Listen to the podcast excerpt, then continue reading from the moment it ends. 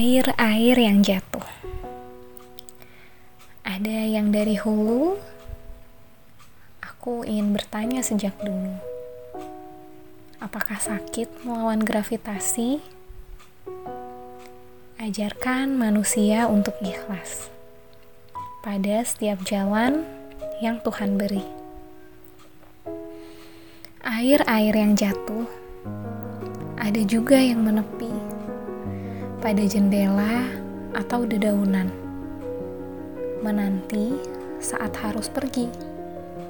Kala datangnya mentari, pergi ke langit-langit, berkumpul menjadi awan putih.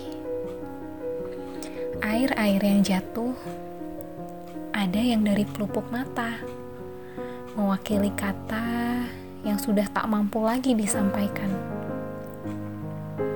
Air-air yang jatuh tak selalu tenang, kadang terisak, kadang terburu-buru, tapi jadi tahu dan bersyukur meski senyum belum merekah. Air-air yang jatuh pada Tuhan aku mengadu, lalu hatiku perlahan sembuh.